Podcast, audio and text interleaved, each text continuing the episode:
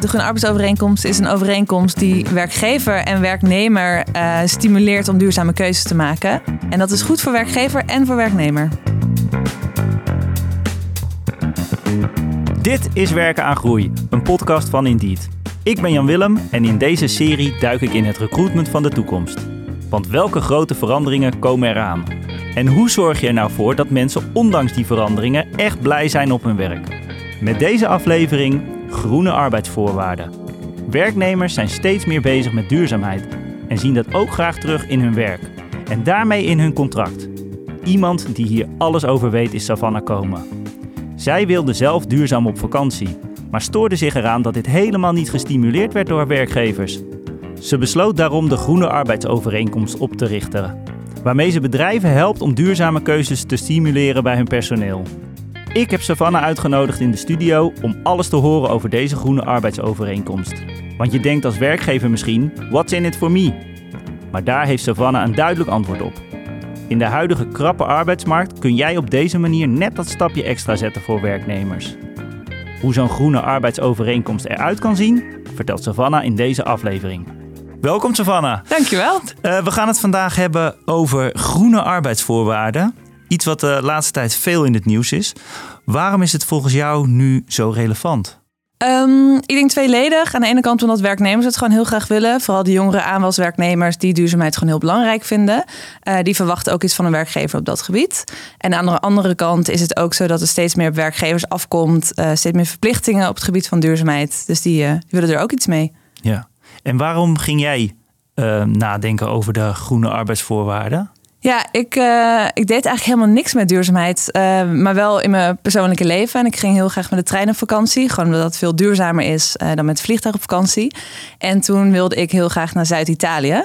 En toen was ik mijn treinreis aan het boeken naar Zuid-Italië. En toen dacht ik, poch, het is wel... je bent heel, heel lang onderweg. En uh, je bent ook nog eens veel meer geld kwijt. En dat vond ik op dat moment heel erg zonde van mijn vakantiedagen. En ik voelde me ook wel een beetje afgestraft. Dat ik dacht, ja, nu probeer ik iets goeds te doen, maar het wordt me zo moeilijk gemaakt. En toen dacht ik, ja, wat nou als ik meer vakantiedagen zou krijgen als ik met de trein uh, op vakantie ga? Dat heb ik gepitcht bij mijn werkgever. Die vond het best een goed idee. En daar is eigenlijk uh, de Groene Arbeidsovereenkomst uit geboren. Ja, en je zegt daar iets over straffen. Ja, zo voelde dat een beetje. Ja. Want jij, jij bent dus beloond dan door jouw werkgever toen? Ja, klopt. Ja. Om uh, met de, als je met de trein gaat, ja. dan krijg je meer vakantiedagen. Is dat ook een belangrijk element in de uh, groene arbeidsvoorwaarden? Belonen, straffen? Hoe, hoe, moet ik dat zien? Ja, dat is zeker heel belangrijk. We hebben ook, uh, toen ik het eerste idee had, ben ik ook gaan praten met werknemers. Van, nou, vinden jullie dit iets? En um, wat veel werknemers zeiden, of veel mensen in mijn omgeving zeiden, ja, ik wil niet afgestraft worden als ik wel een keer ga vliegen. Of ik wil wel gewoon af en toe nog met de auto naar kantoor komen. Um, dus dat sentiment van mensen willen niet afgestraft worden, dat is heel sterk. Uh, en daar moet je echt wel rekening mee gaan houden, wil je gaan verduurzamen. Dat je dus mensen niet afstraft, maar het beloont als ze wel de duurzame keuze kiezen. Ja, want is dat dan ook een, een, een voorwaarde om die mensen mee te krijgen? Dat je ze vraagt van hoe, hoe zit dat? Ja, in zekere zin wel. Er zijn heel veel afspraken die wij, uh, die wij hebben die echt gaan om, over belonen. Aan de andere kant moet je als werkgever denk ik ook soms ja, wel uh, keuzes durven maken en soms ook bepaalde dingen niet meer doen. Uh, maar in principe zijn de meeste dingen die wij, ja, die wij proberen te implementeren bij werkgevers, dat gaat om belonen. Jij hield het uh, niet bij een idee in je hoofd, maar ging er meteen werk van maken door zelf een groene arbeidsovereenkomst te creëren. Hoe heb je die groene arbeidsovereenkomst vormgegeven? Ja, ik ben eerst eigenlijk gaan praten met de meest duurzame werkgever die ik kende. Een, uh, een, een, CEO van een advocatenkantoor die heel veel met duurzaamheid bezig was. Ik dacht, die is sowieso ook heel erg fan van mijn idee. Zoals je nog wel eens overtuigd kunt zijn van je eigen ideeën natuurlijk. Um, en toen ben ik dat gaan pitchen en toen zei ze eigenlijk nee dat ga ik echt nooit, maar dan ook nooit doen. Um, dus toen zijn we een beetje eh, gaan praten van ja, hoe, waarom dan niet? Waarom wil je dit als werkgever niet, niet aangaan? Toen zei ze ja, dat is echt allemaal veel te privé. Ik ga niet voor mijn werkgevers bepalen hoe zij op vakantie mogen gaan. Ik wil daar, ik wil daar niks mee te maken hebben. Um, dus die, die vond dat een beetje een eng idee. En dat ben ik bij werknemers gaan testen. Van oké, zou jij er problemen mee hebben als je inderdaad extra vakantiedagen zou krijgen als je met de trein op vakantie uh, gaat? En daar bleek eigenlijk uit dat werknemers dat helemaal niet zo'n groot probleem vinden dat hun werkgever iets over hun privéleven te zeggen hebben. Um, Een werknemer zei, ja, ik, ik werk 50 uur per week. Mijn werk is privé, dat loopt allemaal zo door elkaar, dus dat maakt me niet heel veel uit. Maar wat wel een probleem is, dat mensen dus niet inderdaad afgestraft willen worden. Dat ze het idee hebben dat, ze, nou ja, dat er wordt meegekeken en dat ze veroordeeld worden voor als ze toch wel een keer gaan vliegen. Ehm, dus daar, met dat idee zijn we aan de slag gegaan. Oké, hoe kunnen we dat zoveel mogelijk voorkomen? En als we het dan hebben over de groene arbeidsovereenkomst, waar bestaat die uit? Um, ja, heel veel afspraken. Nou, het begon natuurlijk allemaal met die vakantiedagen. Dus uh, werknemers krijgen meer vakantiedagen en meer vakantiegeld als ze op een duurzame manier op vakantie gaan. Of helemaal niet op vakantie gaan, dat is nog duurzamer. Je krijgt minder reiskostenvergoeding als je met de uh, auto naar kantoor komt of naar de werkplek komt. Uh, je krijgt een extra vrijdag voor vrijwilligerswerk, klimaatstaking of een demonstratie bijvoorbeeld. Um, we stimuleren duurzaam bankieren. Dus als de werknemer bankiert bij een duurzame bank, dus dat het salaris daar naartoe wordt overgemaakt, dan plant de werkgever bomen. Um, als er een bonusbeleid is uh, en de werknemer doneert een deel van de bonus aan een goed doel, een goed groen doel, dan compenseert de werkgever de jaarlijkse CO2-uitstoot van de werknemer. Um, de vegetarische lunch natuurlijk. En uh, we moedigen ook werknemers en werkgevers aan om aan te kloppen bij hun verplichte pensioenfonds om te kijken of ze dat kunnen verduurzamen. En uh, de thuiswerkvergoeding. Uh, dus allereerst moedigen we thuiswerk zoveel mogelijk aan, omdat dat natuurlijk reisbewegingen scheelt en CO2-uitstoot. En als de werknemer isolerende maatregelen heeft getroffen, dan krijg je ook een thuiswerkvergoeding als hij thuis werkt. Ja, is, is dat dan ook voor elk bedrijf um, haalbaar? past een groene arbeidsovereenkomst bij elk bedrijf? Ik denk bij heel veel bedrijven wel, omdat nou, inmiddels, ik denk ongeveer 80% van de, van de werknemers maakt zich zorgen over klimaatverandering. Dus bij heel veel werkgevers zullen werknemers zijn die het belangrijk vinden. Aan de andere kant denk ik ook, uh, dat zeggen wij altijd, dat je het moet zien als een menu aan opties. Er zijn heel veel dingen mogelijk, maar je moet ook gaan kijken wat past bij ons, wat past bij werknemers. Want die arbeidsovereenkomst is aanpastbaar. Ja. Die is niet one size fits all voor alle? Nee, nee, zeker niet. Want hoe gaat dat dan in zijn werk? Hoe, hoe stel je die op? Nou, waar we vaak mee beginnen is dat we gaan polsen bij werknemers. Oké, is het iets wat jullie willen? En zo ja, wat zouden jullie dan graag willen zien? Uh, zijn er ook afspraken waarvan je denkt, nee, alsjeblieft niet? Een voorbeeld daarvan is bijvoorbeeld minder reiskostenvergoeding als mensen met de auto komen. Sommige mensen hebben geen andere keuze om met de auto naar het werk gaan. Uh, dus we gaan echt in gesprek met werknemers en natuurlijk ook met de werkgever, wat ze financieel mogelijk, om te kijken wat allemaal past. Ja, wij, wij spreken ook eh, bij Indeed vaak werkgevers die bijvoorbeeld op een industrieterrein zitten. Ja. Uh, die zijn volgens mij best lastig te bereiken met een trein of met een bus. Hoe, hoe gaan jullie daarmee om? Ja, dat is een goede vraag. Dat hebben we ook een keer meegemaakt met, uh, met een bedrijf dat twee locaties had. Een hoofdkantoor waar vooral uh, nou, theoretisch geschoolde mensen uh, werkten die duurzaamheid heel belangrijk vonden. En aan de andere kant een productiefaciliteit waar duurzaamheid ook belangrijk werd gevonden. Maar waar ook mensen werken die zeiden van ja, wij kunnen niet met de trein of ik moet om zes uur s ochtends beginnen. Hoe ga ik dat doen? Uh, en daarin hebben we ook een onderscheid gemaakt. Dus voor mensen die op het hoofdkantoor werkten gelden andere voorwaarden dan voor mensen die op de productiefaciliteit werken. Ja, en een van die voorwaarden is ook, um, als ik het goed zeg, je krijgt 8,2% vakantiegeld ja. uh, als jij duurzaam op vakantie gaat. Ja. Dus met de trein of lopend of ja. met de fiets. Um, hoe is dat praktisch uitvoerbaar? Ja, dat kan je op twee manieren doen. Uh, of je zegt aan het begin van het jaar, uh, je committeert je daaraan dat je niet met, uh, met de auto met vliegtuig op vakantie gaat. Dan krijg je dat eigenlijk het hele jaar door gewoon uitbetaald. Of je kunt aan het einde van het jaar gaan bekijken, ben je het hele jaar afgelopen jaar duurzaam op vakantie geweest, dan krijg je het als bonus uitbetaald. Dat is fiscaal iets minder aantrekkelijk. Is dat dan ook een administratieve rompslomp voor zo'n bedrijf? Nou, rompslomp is een beetje een negatieve term. maar het betekent inderdaad wel extra administratieve lasten. Uh, dus dat betekent ook een commitment van de HR-afdeling. Ja, want wat, wat zit er voor die bedrijven in als zij, als zij dit in gaan voeren?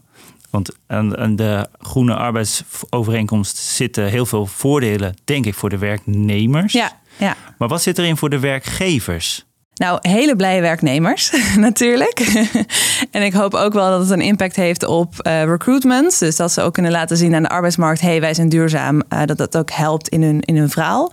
En aan de andere kant um, hebben heel veel bedrijven hebben het natuurlijk al vastgelegd in hun missie, in hun, missie, in hun visie, in hun, nou, in hun waarden. En dit is een manier om daar heel concreet uitvoering aan te geven. Dus niet blijven hangen in nou ja, een soort van uh, algemene doelen, maar echt concreet te zijn. Ja, en zie je dat ehm, bedrijven het nu ook promoten extern, bijvoorbeeld voor recruitment? Dat, ze, dat zij die groene arbeidsvoorwaarden omarmen? Ja, zeker. Ja. Ik werd vorige week nog getagd door een werkgever die het had gebruikt. Uh, een, een, een blije werknemer die de groene arbeidsovereenkomst aan het tekenen was.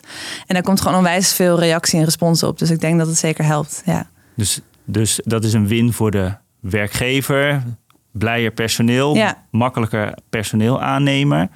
En voor de werknemer is het uh, interessant omdat zij nou ja, bonusjes krijgen eigenlijk. Zeker, ja. En ik denk ook dat heel veel werknemers uh, willen werken bij een bedrijf waar duurzaamheid hoog in het vaandel staat. En dit is dan een manier om daar uiting aan te geven. Waarom zouden we het dan niet doen? Ja. Wat, wat, wat, is, wat is dan de. Eh, hoor je dat ook wel eens van bedrijven dat ze zeggen: Nou, dit, dit past niet bij ons? Ja, wat je natuurlijk net zegt, het kost wel iets meer administratieve uh, taken. Dus dat is een reden. Um, kan ook meer geld kosten. Dat kan natuurlijk een reden zijn. En wat ook wel zo is: duurzaamheid is een thema waar heel veel mensen heel veel mee bezig zijn en heel erg achter staan. Maar het is ook een thema waar nog wel eens weerstand uh, uitkomt. Dus ja, we horen ook wel eens negatieve reacties van werknemers. Maar wat een maatregel is, wat heel veel weerstand oproept, is bijvoorbeeld de vegetarische lunch. Daar uh, ja, kunnen mensen nog wel eens boos over worden. Boos over een vegetarische lunch? Over een vegetarische lunch, ja. Ze, ze willen vlees? Ze willen vlees. En, en wat gebeurt er dan? Ja, dat is echt wel een uh, probleem wat ik nou, helaas regelmatig tegenkom. Maar ik heb bijvoorbeeld een keer gehad, uh, daar was en van een bedrijf waar één vegetarische dag, Meatless Monday, was ingevoerd. En dan uh, had iemand in het hogere management had allemaal afbeeldingen van hamburgers en spek en bacon opgehangen door het hele bedrijf. Um, dus die weerstand die komt nog wel eens. Hoe kun je daarmee omgaan als werkgever? Ja, ik denk dat het heel belangrijk is. Nou, in dit geval was het iemand uit hoger management. Daar is gewoon echt een stevig gesprek mee gevoerd. Want ja, sorry, dit is het beleid, dit gaan we doen. Je staat er maar achter. Um, ja, het ook wel een beetje kinderachtig. Um, maar ik denk dat je voordat zo'n maatregel moet ingevoerd, wordt ingevoerd, al heel erg het gesprek moet aangaan met werknemers. En ze moeten meenemen in het besluit. En ook zo'n besluit gewoon goed communiceren, goed helder communiceren. Dat je daar al heel veel problemen mee oplost. Want dat is ook een van de voorwaarden ook, hè, in, die, in die groene arbeidsovereenkomst. Um, dat je de medewerkers erbij betrekt. Ja. Die hebben daar volgens mij ook een term voor. Ja, we, uh, we richten ook altijd de Green Rebels op. Dat is een werkgroep, commissie, clubje uh, van werknemers door het hele bedrijf, door alle lagen van het bedrijf die zich bezighoudt met duurzaamheid. En die dus ook in de gaten houdt of die afspraken echt worden nageleefd. Zie je dat daar, dat daar heel veel enthousiasme door ontstaat voor die groene overeenkomst, doordat je die rebels, die groene rebels opricht? Ja, nou, vaak zijn er eigenlijk al is al een soort van commissie of groepen die daarmee bezig is. De Green Rebels zitten al in het bedrijf, die zijn al actief. Het enige wat wij vaak doen is die nog eens bij elkaar zetten en daar een wat formelere naam aan geven. Maar daar is zeker uh, ja, veel animo voor. Ja. Want dat is, dat, is, dat is een van de zaken waar jullie bij helpen. Ja. Die Green Rebels bij elkaar brengen en ja. samen ook die overeenkomst te maken. Ja, precies. Zij zijn eigenlijk een soort van de kartrekker van, uh, van het hele geheel. Ja. ja. Hoe kunnen werkgevers dit het beste invoeren? Deze groene overeenkomst? Dat is denk ik een, een. Het is vaak wel een project van de lange adem. Uh, ook omdat, nou, wat ik net ook al zei, dat je echt je werknemers er heel erg bij moet betrekken. Dat je in gesprek moet gaan met werknemers. Uh, kijken wat wel past, kijken wat niet past. Uh, en dat je echt mensen meeneemt in die besluitvorming. En wat ook nog wel eens gebeurt, is dat werkgevers het niet zelf doen, maar dat ze dus inderdaad een clubje van werknemers dit laten uitvoeren. Dus dat die werknemers echt het voortouw hebben en dit project uitvoeren. Ja, en hoe ga je dan om met, uh, met degene die, uh, die weerstand hebben? Ja, ik denk dat dat altijd uh, zo zou zijn. Ook al blijft het gesprek goed voeren. Je hebt altijd mensen die in weerstand gaan en die het er niet mee eens zijn. En dan is ja, het een kwestie van je keuzes goed motiveren. En ook zeggen, ja, sorry, dit is wat we gaan doen. Je bent bij dit bedrijf komen werken wat duurzaamheid nou, al heeft verankerd in hun missie of visie. Ja, um, sorry, maar helaas. Ja. En dat is dan lijkt me ook een praktische uitdaging voor management om als ze dit gaan invoeren, om iedereen mee te krijgen. Ja, zeker. Zijn, ja. zijn er ook andere praktische uitdagingen? Um, nou, zeker als je bijvoorbeeld kijkt naar die extra vakantiedagen. Als mensen met de trein bijvoorbeeld op vakantie gaan. zit natuurlijk ook een beetje een controlevraagstuk. Willen we dat mensen bonnetjes gaan inleveren van hun uh, NS-aankoop? Uh, of denken we nou dat gaat op vertrouwen? Dat zijn ook wel praktische vragen die je moet beantwoorden. Wat stel, wat stel jij voor? Ja, ik ben altijd voorstander van doe het op basis van vertrouwen. Ik denk dat ook wel het controlemechanisme, het sociaal controlemechanisme op kantoor daar wel sterk genoeg voor is. Als in mensen willen heel graag over hun vakantie vertellen. Dus ik denk niet dat iemand gaat achterhouden dat ze stiekem toch gaan gaan vliegen. Um, wat ik ook wel heb gezien bij een werkgever die vroeg om de, om de leukste trein selfie. Vond ik ook nog wel een leuk light controlemiddel. Dat is een leuk speelse manier om, om dat toch een beetje. Maar misschien ook als promotiemiddel. Ja, precies. Ook weer om, om werknemers. Ja. Twee kanten op, volgens zeker. mij. Ja. ja. Wat zou het belangrijkste advies van jou zijn richting werkgevers en werknemers? Ja, Um, mijn advies aan werknemers is uh, klop bij je werkgever aan en vraag om de groene arbeidsovereenkomst natuurlijk. En um, advies aan werkgevers is denk ik om het niet zelf te gaan doen, om het niet van bovenhand op te gaan leggen, maar echt om te kijken of er al mensen binnen de organisatie zijn die dit willen trekken, die er enthousiast uh, over zijn en die dit uh, ja, eigenlijk van onderop willen implementeren. Ja. En, en hoe help jij die bedrijven erbij om dat te doen? Um, nou, aan, de andere kant, aan de ene kant voeren we dus de gesprekken met de werknemers. Uh, dat noemen we kampvuurgesprekken. Dus dan gaan we kijken, oké, is er enthousiasme voor? Wat past wel, wat past niet? En we helpen natuurlijk ook bij de nou, juridische implementatie, de fiscale implementatie. Gewoon het, het praktische vastleggen van al die afspraken.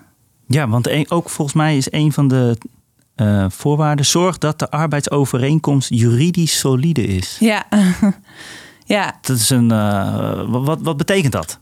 Ja, natuurlijk als werkgever heb je soms ook te maken met cao's. Dus dat is eigenlijk een collectieve arbeidsovereenkomst. Dus dat zijn afspraken waar je eigenlijk niet van af kunt wijken. Of alleen positief van mag afwijken. Dus alleen meer mag geven dan de cao.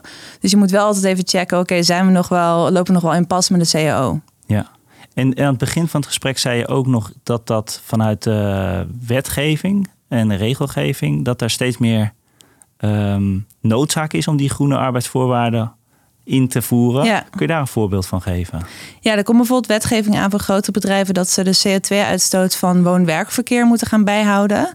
En als dat niet onder een bepaald niveau komt, dat ze daar ook echt strenger op gaan handhaven. Dus er komt ook voor bedrijven een noodzaak aan om die CO2-uitstoot van woon-werkverkeer te verlagen. Uh, en dit is daar een manier voor. Ja, en zijn er ook voorbeelden te noemen van grote bedrijven die hier al mee bezig zijn? Um, ja, zeker. Ik vind dat Eneco bijvoorbeeld heel goed bezig is. Uh, en zij, ik vind dat een goed voorbeeld omdat zij ook echt wel harde keuzes durven te maken. Dus bijvoorbeeld als je een auto daar hebt die te veel uitstoot, dan krijg je geen parkeerplek. Zo. Ja. Dat, dat is drastisch, ja. Dat is drastisch. Uh, en dan krijg je bijvoorbeeld ook gewoon geen uh, kilometervergoeding als je uh, ook prima gewoon met het openbaar vervoer kunt komen. Dus ik denk dat zij wel echt harde keuzes durven te maken. En die ook echt wel goed motiveren. Waardoor ze, waardoor ze toch iedereen wel meekrijgen. Dus ze krijgen iedereen mee, zeg je? Of, ja. of hoor je daar ook dat daar wel veel weerstand is? Natuurlijk is er weerstand. Maar ik denk dat zij het verhaal zo goed uitleggen. En het ook al denk ik heel goed hebben verankerd in alles wat ze doen. Dus dat het niet nou, één dingetje is op het gebied van duurzaamheid waar ze mee bezig zijn. Maar dat het heel goed past in een, een breder, breder beleid. Dus daar gaat het weer om. Hoe breng je het verhaal? Ja. En uiteindelijk trek je dan ook de mensen aan bij jouw club. Ja.